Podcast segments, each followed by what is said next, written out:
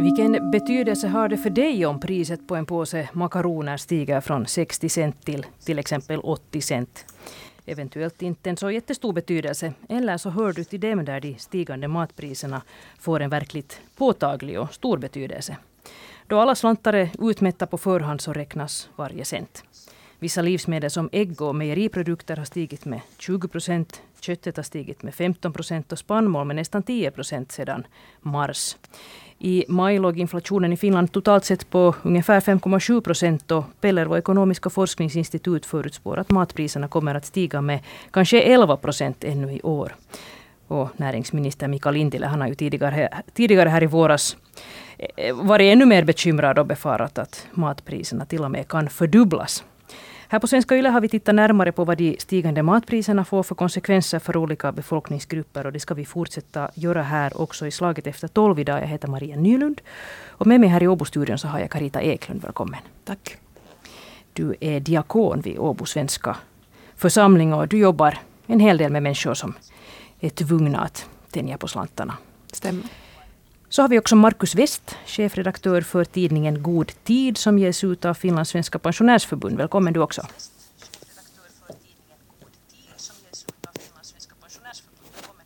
Tack. Nu hör jag att vi har en, eh, en, en, ganska lång delay här på, på linjen. Vi ser om, om det här fungerar, fungerar ändå eller om, det, om vi får göra några ändringar. Men om vi börjar med dig Carita Eklund här. Eh, skulle du först kunna beskriva liksom, vem är det som drabbas nu hårdast av de här stigande matpriserna? Om vi börjar med det.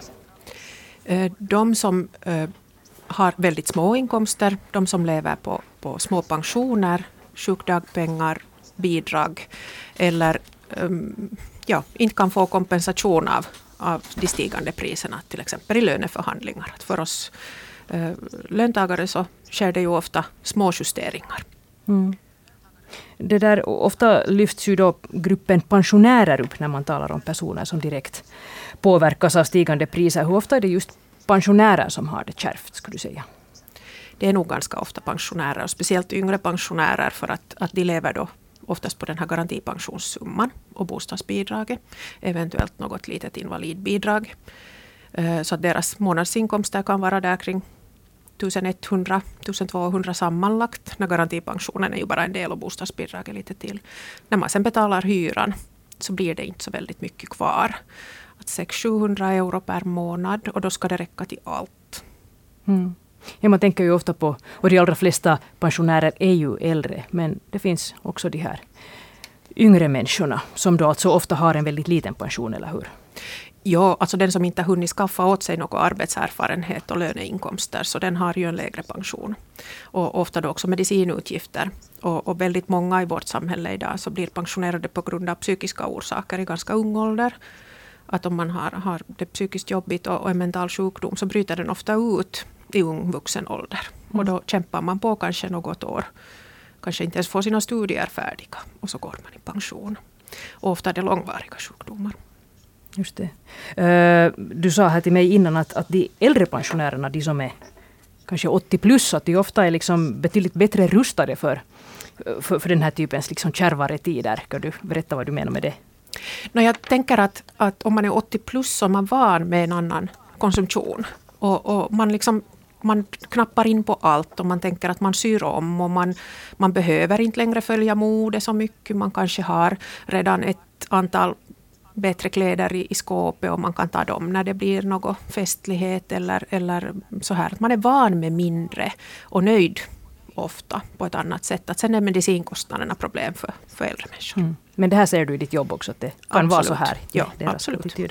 Nå, vad säger du Markus West, hur, hur, hur mycket diskuterar ni de här stigande matpriserna inom pensionärsförbundet just nu? Uh, no, alltså den här våren ända sedan kriget i Ukraina bröt ut så, så tränger ju den här frågan på nu egentligen varje dag i någon form i enskilda kontakter från pensionärer eh, på våra våra möten, vårt, vårt förbundsmöte i Jakobstad i, i, här tidigare på vårkanten så diskuterar väldigt mycket äldres ekonomi och, och, och, det får ju också den här kopplingen till, till att allting blir plötsligt väldigt mycket dyrare. Mm. Det, det, finns ju hela 1,6 miljoner pensionärer i Finland. Det är 28 procent av befolkningen. Eh, det här är siffror från något år tillbaka så det kan hända att det har lite ändrat. Men, men ungefär, alltså en tredjedel. Och ofta så, så här buntar man ihop den här gruppen eh, som, som om den skulle vara på något sätt hemskt enhetlig. Men det är ju verkligen en, en, en jätteheterogen grupp kan man väl säga. Kan, kan du beskriva, liksom Markus West, vad det, eh, hur ser den här stora gruppen pensionärer ut? Vad allt inbegriper det?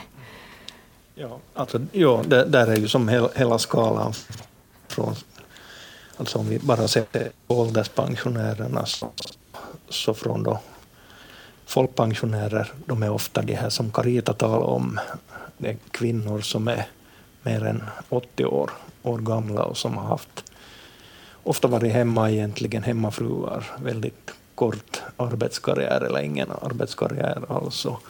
Och de här kan då ha mindre än 1000 euro i, i månaden. Folkpensionen är, är för, för en ensamstående uh, sju, någonstans i, strax under 700 euro. Den höjs sen visserligen med en garantipension så att, att de får närmare 900 euro. Och det, det är ju de här som är verkligt illa ute nu. Uh, genomsnittliga pensionen i, i Finland så, så var i fjol eh, uh, 1784 euro per månad. Och, och ligger man på den nivån så klarar man väl också de matpriser vi har nu, men, men det är mycket annat som man måste prioritera bort. Och, och så har vi ju inget pensionstak i Finland, så det finns en visserligen grupp, men, liten grupp, men, men det finns ju pensionärer som har mer än 5 000 euro i, i pension, men, men de är väldigt få. Mm. Ja, vad skulle du säga att är den här vanligaste pensionen, alltså den här medianpensionen? No, men, ja, jag sökte fram det, det var medianpensionen eh, eh, och det är 1559 euro. Och eh, alltså en tredjedel av Finlands pensionärer så, så har mindre än 1250 euro i månaden. Så, så där, där. Och, och så kan vi ju nämna det att, att den här skillnaden mellan mäns och kvinnors pensioner, så det speglar ju förstås arbetslivet, så att kvinnorna har ungefär 400 euro mindre i, i pensionen än vad männen har i genomsnitt. Just det. Vad, vad, skulle du säga, alltså, uh, nu gick det snabbt här med mycket siffror, men, men, men hörde jag nu rätt att en tredjedel har under 1200 ungefär? Ja. ja. Och, och de är ju då verkligt låginkomsttagare då, eller är, pensionstagare. Mm. Ja. No, men eh, Carita Eklund, nu har många andra kostnader också eh, stigit, men om vi nu först håller oss ändå kvar vid de här matpriserna här, eh, så det där, mm, så vad innebär en sån här prisstegring nu på säg nu 11 procent om det faktiskt går så som, som Pellervo, eh, det här ekonomiska forskningsinstitutet förutspår. Att, att vad betyder det för de som du möter i ditt jobb om det skulle stiga med så mycket? Det betyder nog alldeles otroligt mycket. Att har du en veckobudget efter betalad hyra på tusen, nej, om du har 1250 euro i inkomster efter Eh, med bostadsbidraget och sen betalar hyran och det blir kvar en 650-700 och du har 150 euro pengar att röra med dig i veckan. Och det ska täcka hygienartiklar, kläder, mediciner, allt. Så det kan hända att din, din dagsbudget blir bra under 10 euro per dag. Mm. Du menar för maten? För maten och, och, och, ja, jag tänker också kläder. Kläder är väldigt dyra, fast man också kan hitta förmånliga sådana. Och och jag har i, någon gång, i något skede sammanställt en sån här att hur man klarar sig på 7 euro under en vecka till mat. Och, och, nu när jag gjorde samma beräkning före det här programmet så tänkte jag att, att jag ska se att hur mycket det har stigit. Så att, att åtminstone 30 procent, så att där kring 10 euro är det minimi och då ska man vara riktigt noggrann med vad man handlar. Just det, så det har, det har eh, enligt dina kalkyler det där eh, stigit så där pass mycket. Hur, hur, vad innehåller en sån här budget då på, på det där som, som du sa att nu kostar då 10 euro? No, jag tänker så här att man kan klara som, sig som ensam liksom en vecka med några potatis, makaroner, ett par äpplen, ett halvt kilo morötter, lite matlagningsgrädde, sex ägg, jäst, vetemjöl, havregryn, sopprötter, tomatkross och malet kött då får man nästan två mål per dag. Plus att man får semlor och man får, man får inget pålägg, man får inget margarin, man får inget kaffe. Och, och det här är ju jätteviktiga saker för de flesta av oss.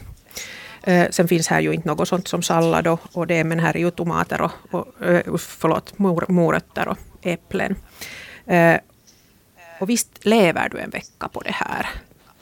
Men eh, du måste ju dra ner på ditt proteinintag. Du måste verkligen dela upp det här 400 gram malet kött så att du har liksom 100 gram till det och 100 gram till det och 100 gram till det och så äter du halva portionen i gången. Uh, att, att vill du på riktigt klara sista veckan i månaden före pensionen kommer eller före den lilla lönen kommer. Vi har ganska många som jobbar på nollavtal också av, av arbetsför befolkning. Mm. Så, så det där, inte äter du så väldigt mycket. Det här är ju hälsosam mat. Man kan ju sen då tänka att man skulle köpa färdiga portioner istället. Men en färdig soppa kostar utan vidare 2,50 och du hålls inte så hemskt länge mätt på det där 2,5 deciliter. Så det är fyra soppor i veckan eller det här. Hur tror du att människor resonerar om det är så att, att, att man har nu varje cent redan liksom färdigt utmätt, det ska gå till A, B, C, D saker. Och, och, så sker det en sån här prishöjning nu då. Som, som, det var en ganska markant ökning här nu då som du jämförde, att det tidigare har gått att klara sig på 7 euro nu kostar det mitt i allt då 10. Så, så vad, hur resonerar man då? Vad, vad gör man liksom? det som man nog behöver se efter är att finns det några sådana utgifter som man kan avstå ifrån. De flesta har ju inte längre liksom dagstidning fast vi tycker att det kanske är Eh, är människovärdigt att åtminstone få läsa den på, på nätet. Eh, de flesta människor har en, en telefonanslutning tillhörande internet. Då kanske man stänger av bredbandet hemma. För att jag tänker att oberoende av vilken inkomstklass man är så behöver man vara uppkopplad till internet nu för tiden. Man sköter alla bidragsansökningar till exempel den vägen. Eh, det kan hända att, att man har någon annan avbetalning där man behöver fundera. Man har inte haft råd att köpa ny telefon när den förra telefonen gick sönder. Så det kan hända att man betalar 30 euro i månaden på telefon istället för att kunna ha ett 990-avtal. Ehm, det här är sånt som man borde kunna förutse. Och de flesta som har så här låga budgeter Eh, och gör sin budget. För man måste faktiskt räkna igenom att vad är absolut nödvändigt, så kommer fram till någonting. Man kanske har en gammal bil som bara har trafikförsäkring och man har hittills klarat av att, betala den och, och skatten. Men nu kanske man ställer den på avställning och tänker att man klarar sig ett halvt år utan och det är avsevärda inbesparingar. Samtidigt binder det ju en mera hemma elräkningen varmvattnet. Om man betalar varmvattenskilt där man bor på hyra så är, är varmvattnet en, en kritisk sak. Eh, det kan man spara på elräkningen eller den kan hållas på samma nivå så att säga fast elpriset stiger. Ehm, ja, jag, jag tänker nog att man måste kanske ersätta en del av, av sina animaliska proteiner med växtproteiner och den vägen planera bättre. Men en, en budget där man sätter ut hur mycket pengar man har kvar per vecka hjälper många. Mm, att man budgeterar noggrant. Och för kortare tid än en månad. Att en månad är så diffus. Mm. Vad tänker du om det här Markus West? Om vi håller oss kvar vid de här matpriserna ännu en stund. Så, ja, så ja det, det låter som väl, det, det, låter som väldigt, väldigt bra råd som, som Carita ger. Och, och eftersom de här stigande matpriserna drabbar, drabbar eh, ofta ensamstående allra hårdast så, så tycker jag också att man ska titta omkring sig i, om man har en bekantskapskrets som bor nära, inte leder till långa resor. Så, så om ni är tre vänner eller väninnor så kom överens om att, att vi äter hos varandra för det, det är billigare att göra mat för tre personer om man vet att följande dag så, så är det min tur att bli bjuden på mat. Och, och, och, och, kan man tre dagar i veckan göra det här så, så är det en riktigt bra lösning. Och samtidigt får man ett sällskap som, som höjer, höjer humöret också. Mm, Carita? Jo, jag, jag, tänker att det här äh, sällskapet är jätteviktigt och att man har ett umgänge och man har något meningsfullt att göra. För då hinner man inte tänka så mycket på att ja, nu hade jag inte pengar att köpa den där t-shirten som jag skulle ha velat ha. Men jag tänker också det här att man gör en matlista att man helt enkelt skriver ner maträtter som man är van att äta och som man tycker om. Och, och, och det där, på det sättet gör det lättare för sig själv att göra en inköpslista till butiken. Att, att för de här mm, råvarorna som jag nämnde här så, så skulle jag baka semlor, laga malet köttsås, laga makaronilåda, klyftpotatis, malet köttsoppa, nässelsoppa, plättar och, och äta ännu något grönt till till de här semlorna. Så att, att man kan få många olika saker av samma och mindre mängder om man skriver ner och nu kanske någon småler och tänker nässelsoppa, men, men det där, eh, varför inte utnyttja det som finns där ute? Och, och, och, tycker man inte om det så, så finns det kanske något annat. Nu kanske man får någon rabarberstjälk av någon och kan, kan blanda det i plättarna så att man får något, något variation i sin Men kost. Det kräver ju jättemycket disciplin på något vis det här att nu att hålla sig till en sån där jätteliten budget så, så ja, kräver mycket planering och, och, ja, och att man sen håller sig faktiskt vid det här. Det är ju ganska mycket också krävt på något sätt. Jo, det psykiska resurser kräver det. Och, och, det är ju där som jag tänker att vi, vi kan ha en tipslista där vi hjälper någon med, med köpkort i matbutiken att handla till exempel det här och det här, använd de här pengarna på det här sättet. Eller vi frågar att vad behöver du från butiken och, och, och på det sättet. Men um, det är också hemskt skönt om man skulle istället göra så att första månaden av pensionen eller de små inkomsterna så skulle man hålla väldigt sträng disciplin och se att på hur lite klarar man sig. Och så får man en belöning när den veckan är slut. Att det som blev över av den där budgeten får man unna sig någonting med. Och då kanske det är den där lösklassen som kostar fyra euro som är huisigt dyr. Mm. För en människa som har jättelite. Men den är ju värd ännu mera om man har liksom jobbat för den. Eller sen kanske man tar en isglass i butiken för 60, euro, 60 cent eller 70 cent. Ja. Det som vi ju har sett nu är att de här eh, så kallade brödköerna eller mathjälp som ju finns på många håll, att, att köerna hit äh, blir längre, har blivit längre. Vad tänker du Markus West om, om, om den här typens liksom, samhällelig hjälp då? Ja, alltså det Eh,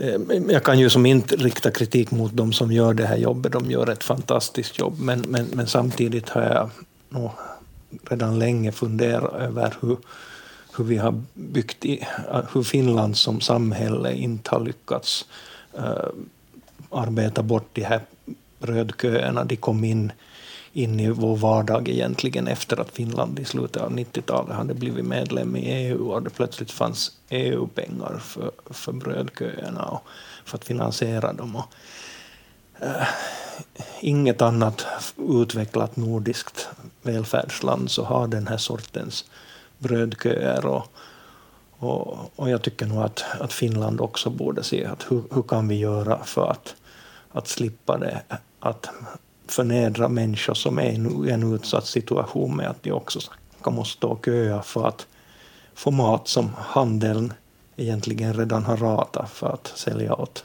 åt oss andra finländare. Mm. Tack Markus. Alltså jag blir jätte, jätteglad när jag hör dig för att jag tycker att det är så ovärdigt att ha människor på kö och att man inte själv får välja vad man äter. Och dessutom, eh, jag har varit med och hjälpt vid sådana brödköer eller matköer för att, att försöka omvärdera min, min åsikt om att de inte är människovärdiga. Men det överlopp som kommer från affärerna så är ofta sånt som jag aldrig själv skulle sätta i min matkorg. Och, och det, där, det finns ganska mycket sånt som är relativt eh, näringsfattigt. Och, och, och det där färdig mat eller, eller rester av sånt. Och, och den färskmat som kommer, alltså det, det, säger de som har de här att de skulle önska att de skulle kunna dela ut till exempel malet kött i sina matköer. För att det skulle de här familjerna på riktigt behöva. Eh, men, men det där bröd och bullar och, och, och något müsli med, med någon speciell smak eller, eller något sånt här. Så visst, ja man kan äta det, men det är inte det som du ska leva på att um, ja, jag, jag är glad att vi har samma åsikt i den här frågan, att vi borde hitta på ett annat system att bli av med vårt matsvinn. Och där tänker ju jag att vi som går på arbete eller som har bättre ekonomi ska vara exempel. Vi kan använda de här SQ-apparna, köpa av det där överblivna brödet från butikerna den vägen, använda det i våra hushåll. Och, och det där, ehm, så att det blir en norm mer än ett undantag och att man är lite in och lite hipp när man se till att handla allt som är på 30 procent. Det är ju klart, vi kan ju tänka att då är det bort från den som skulle behöva den där minus 30 procenten på kvällsrean. Men samtidigt om det blir norm i alla hushåll att man ibland äter sådant så blir det inte skamligt. Och jag hoppas verkligen att vi snart inte har någon matsvinn alls. Att människor faktiskt äter upp det som de har i skåpen. För det är ju det som är ett stort, stort, stort problem hos oss som har ännu pengar till mat. Mm matsvinnet. Eh, Markus West, har du koll på det här? Du nämnde det här i, i nordisk jämförelse och så här att där har man inga eh, matköer på det här sättet. Men, men är, är, liksom, är vi finländska pensionärer? Är vi, är vi nu fattigare än våra nordiska grannar?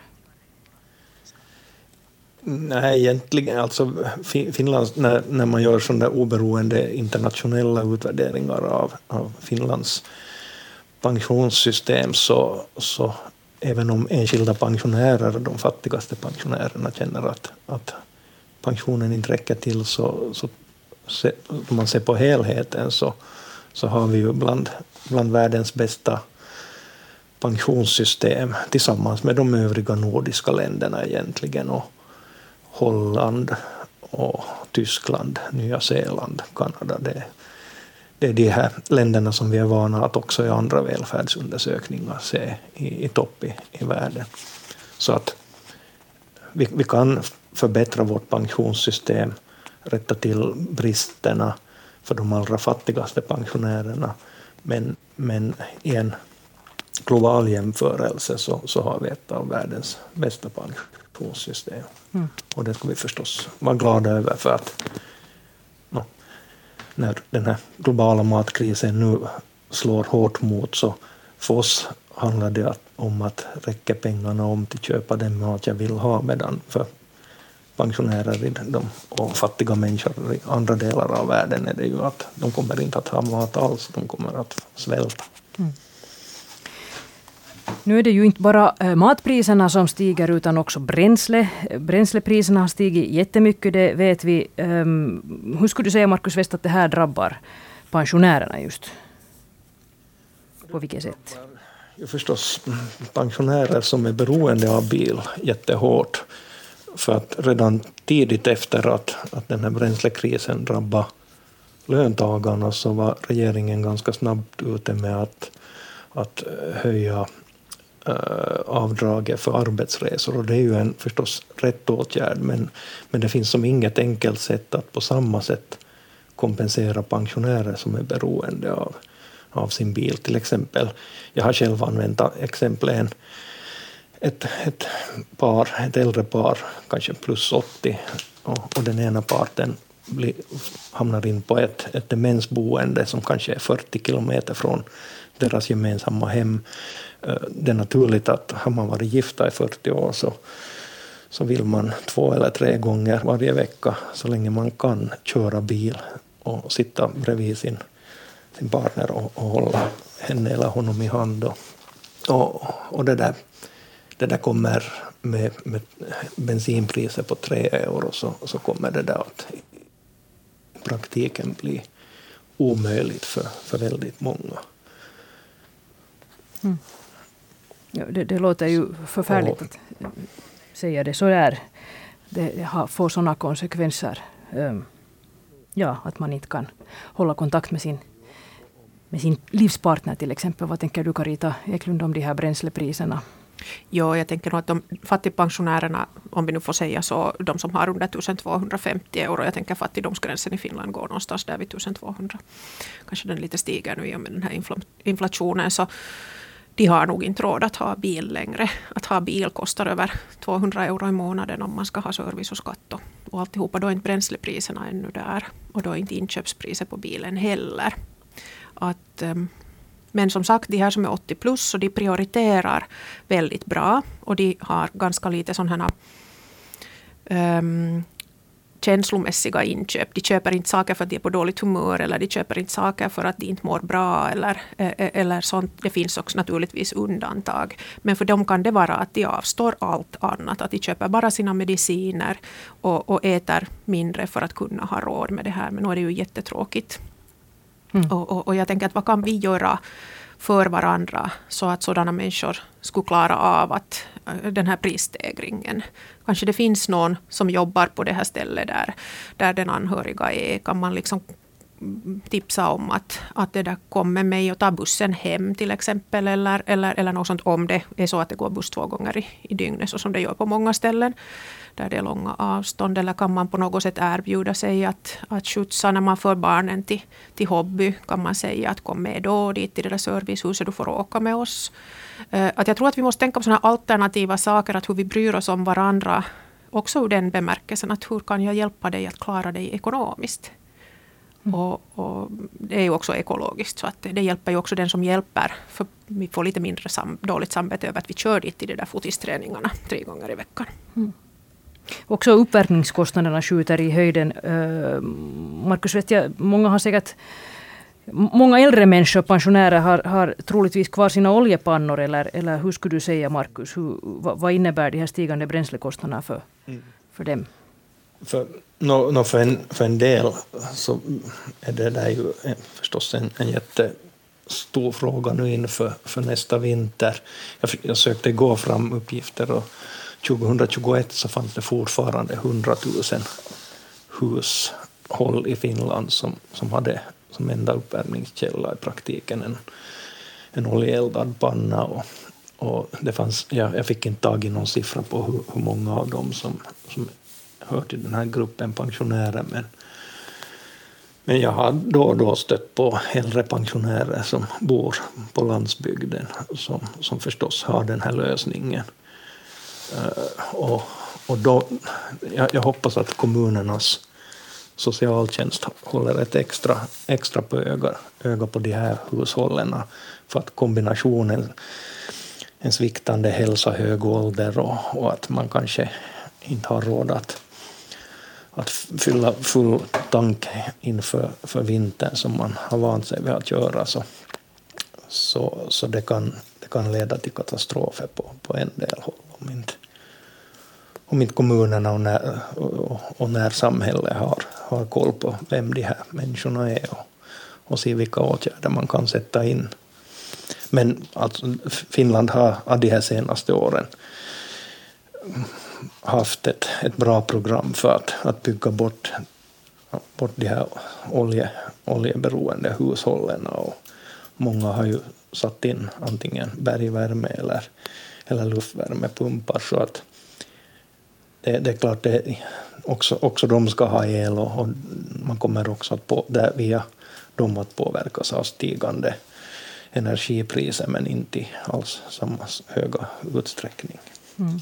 Men om man nu tänker att man är en kvinna 80 plus, bor ensam i något litet hus och har en gammal oljepanna som man nu har haft där i eviga tider. Liksom det är ju, har man ingen anhörig som, som driver det där så byter du ju kanske bort en sån här oljepanna sådär bara. Alltså, vem skulle kunna träda till här? Eller är man helt på egen alltså, nåder? Nu, nu är, det, alltså är det en ensam åldring som inte har några nära anhöriga så är de så behöver ju nog socialtjänsten i kommunerna inleda en, en diskussion med dem och försöka få hitta ett, ett boende som, som mera lämpar sig för den här situationen. För att, att det, det är ju orimligt att en, en, en, en, en nyligen ensambliven pensionär med kanske bara garantipension ska bo kvar i ett 100 kvadratmeters hus med, med oljeeldning. Det, det går som inte ihop. Mm. Och då är det ju sorgligt förstås att lämna det här egna hemmet. Ja, det är nog jättesorgligt också att man inte kan få göra det där valet, utan man är tvungen att göra det där valet att, att liksom den här diskussionen om att vad finns det för alternativ, att man borde inleda den i ganska god tid. Sen säger ju många att när man bor på landet har man möjlighet att odla någonting smått själv och man har en högre livskvalitet när man har den där egna gården. Och, och, det, där, och det är nog det som gör att många pensionärer med låga inkomster på landsbygden klarar sig mycket bättre. Att, att sen i stan när du sitter inlåst i en enrummare och, och har samma boendeutgifter oberoende av vad det är för väder ute, om du alls kan gå dit för att det är så fruktansvärt halt. Det blir ju halt på landet också, men kanske på ett annat sätt. Så, så det där, stadsbor och, och människor som bor på landsbygden är väldigt olika situation. Jag tänker att vem har råd att sätta bergvärme eller någonting annat när man är på en, en väldigt låg pension. Att idealet skulle ju vara ju att man säljer. Men steget är svårt. Mm. Jo, jo, säkert. Det som man också befarar att kommer att stiga rejält är hyrorna, alltså eftersom de ofta kan vara knutna till, till just inflationen. Um, vad vet man om det här? Hur drabbar det här de här mest drabbade pensionärerna till exempel? Hur vanligt är det att bo på hyra? Det är jättevanligt om man har låga pensioner i stan att man bor på hyra. Och, och det är ju inte bara hyran som höjs utan också bostadsvederlaget om uppvärmningskostnaderna till exempel stiger eller elräkningar går i höjden. Så att, att allt kommer ju att stiga, allt från internet till, till allt annat som behövs i infrastruktur. Så, så nu blir det säkert för väldigt många, fast det skulle gälla en 30 eller 40 euros höjning i månaden, så kommer det att innebära att man ska knappa in 10 euro per vecka i sin budget. Att vad väljer man då? För att bostadsbidraget kommer inte att höja i motsvarande grad. Att nu sker det säkert någon slags indexförhöjning på, med fördröjning. Men, men det, där, det blir en utmaning mm. säkert för många. Ja, du kom in på det här med indexjusteringar och nu har man ju faktiskt, äh, regeringen föreslår här nu då att äh, att det ska göras eh, extra indexjusteringar redan nu eftersom då priserna har stigit så här plötsligt. Alltså de som får folkpension så så, det där, så får den ju då via Folkpensionsanstalten och, och, och, då är det riksdagen som slår fast hur stor den här ska vara. Nu har man då, eh, föreslår man här att det ska höjas med ungefär 3,5 procent, den här typens stöd. Och här eh, mm, ser jag då att att man ska höja folkpensionen med cirka 24 euro per, månaden, eh, per månad, grunddagpenning och arbetsmarknadsstöd med 26 euro i månaden, utkomststödet med 18 euro ehm, bland annat, det här räknas upp många andra eh, stöd också, sjukdagpenning och föräldradagpenning och, och, och, stöd för hemvård till exempel, eh, vårdtillägg och sånt. Och också studiepenningen ska höjas med 14,50. Och det här ska gälla då från den första augusti till den sista december. För studiepenningen blir det lite eh, längre tid. Men vad säger ni om de här beloppen? 24 euro och 26 euro till i, i månaden. Vad tycker du Markus West, är det här tillräckligt? Mm, nej, det, det är ju alldeles otillräckligt.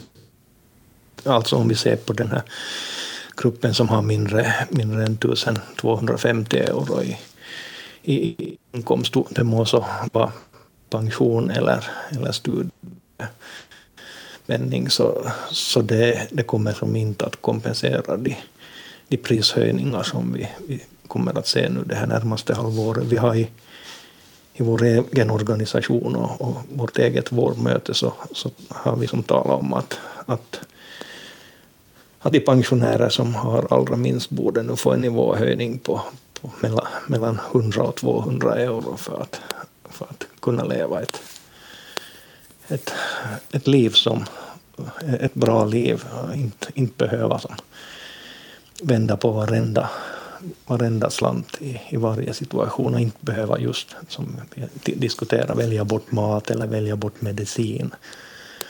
Utan verkligen ha råd att köpa både och. Vad tänker du Carita Eklund om det här med 24 euro till i månaden? No, om, in, om boendeutgifterna till exempel stiger med 40 euro i månaden och du får 24 så då måste du ändå knappa in 16 euro någonstans. Och var är det då? Så det är ofta maten. Det, det, det, är ju så. Eller medicinerna. Och jag tänker att den här medicinernas självrisk eller egen, egen risk i början på året, 50 euro som alla har förrän man börjar få ersättningar överhuvudtaget. Så den drabbar ju just de här människorna väldigt, väldigt hårt. Att, att den som går på jobb så märker kanske inte att om man nu har köpt sin blodtrycksmedicin eller någonting och betalar i början på året 50 euro. Så ja, visst vet man att det är pengar men, men efter det här sen så är den billigare. Um, där tänker jag kanske att det, det idealet skulle vara att den som lyfter pension, garantipension till exempel, inte skulle ha någon självrisk till apoteket. Att, att, att man genast skulle få Kela-ersättningar eller FPA-ersättningar på, på sina mediciner. Så då skulle man redan hjälpa dem med 50 euro igen. Mm. Ja, om man tänker på sådana här budgetar som du målar upp här, så då blir ju mediciner otroligt dyra.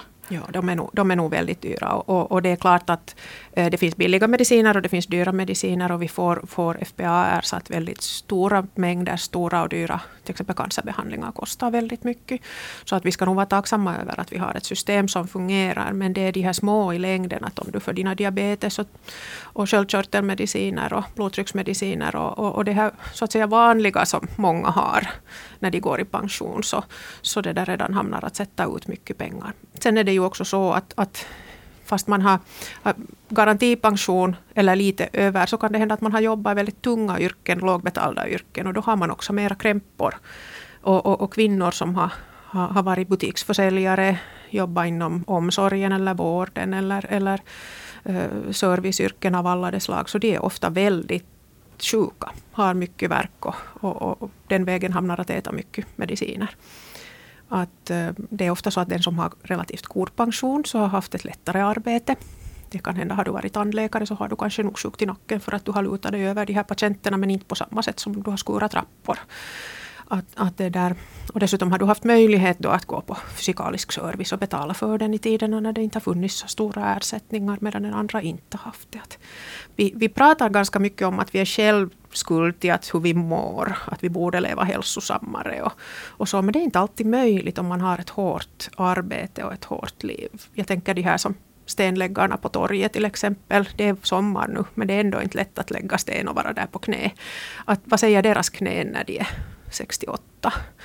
Att, att det, där, det finns visserligen proteser, men det är inte riktigt som vanliga knän i alla fall. Och före det så går det mycket pengar till läkare och mediciner.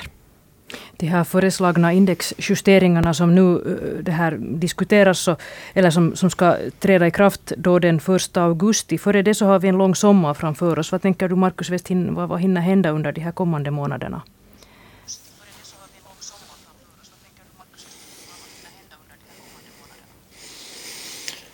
No, alltså, väldigt lite egentligen. Jo, priserna kommer att stiga men, men eh, jag är ju illa rädd förstås att, att nivåjusteringarna hamnar på den där nivån som precis som, som du beskrev. Och, och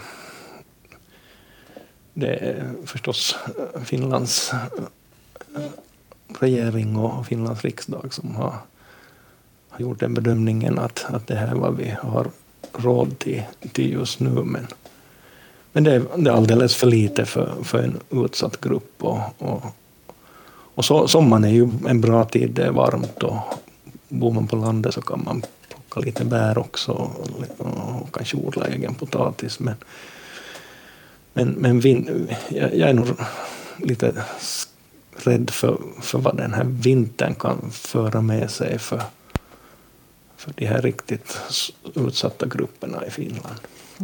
Helt kort, Carita Eklund, du får sista ordet här nu. Uh, vad kommer det här att kräva av oss som samhälle? Alltså, finns det någonting som omgivningen kan göra för de här allra mest utsatta människorna? No, jag tänker att vi ska se omkring oss runt vem har vi där? Vad har vi för människor som vi umgås med eller som vi har i vår trappa? Och kan vi bjuda någon på någonting? Kan vi be någon med till landet? Kan vi, kan vi vara lite extra givmilda eller, eller generösa i, i, i det? Så att vi, vi gläder varandra. Det är lättare att att klara sig om man är på gott humör. Så redan det att vi är vänliga mot varandra så, så är bättre än det att vi bara tänker på oss själva. Så den som har, så, så nu skulle man kunna lite glädja och, och satsa på, chansa att, att men om jag bakar semlor så för jag en påse åt en mm. pensionär. Vi som har kan tänka på de som inte har, om det så är. Det där vi avslutar dagens Slaget efter tolv. Tusen tack till dig Carita Eklund från Åbo Svenska Församling och Markus West som är chefredaktör för God tid som ges ut av Finlandssvenska Pensionärsförbund. Jag heter Maria Nylund och en ny diskussion hör du imorgon igen.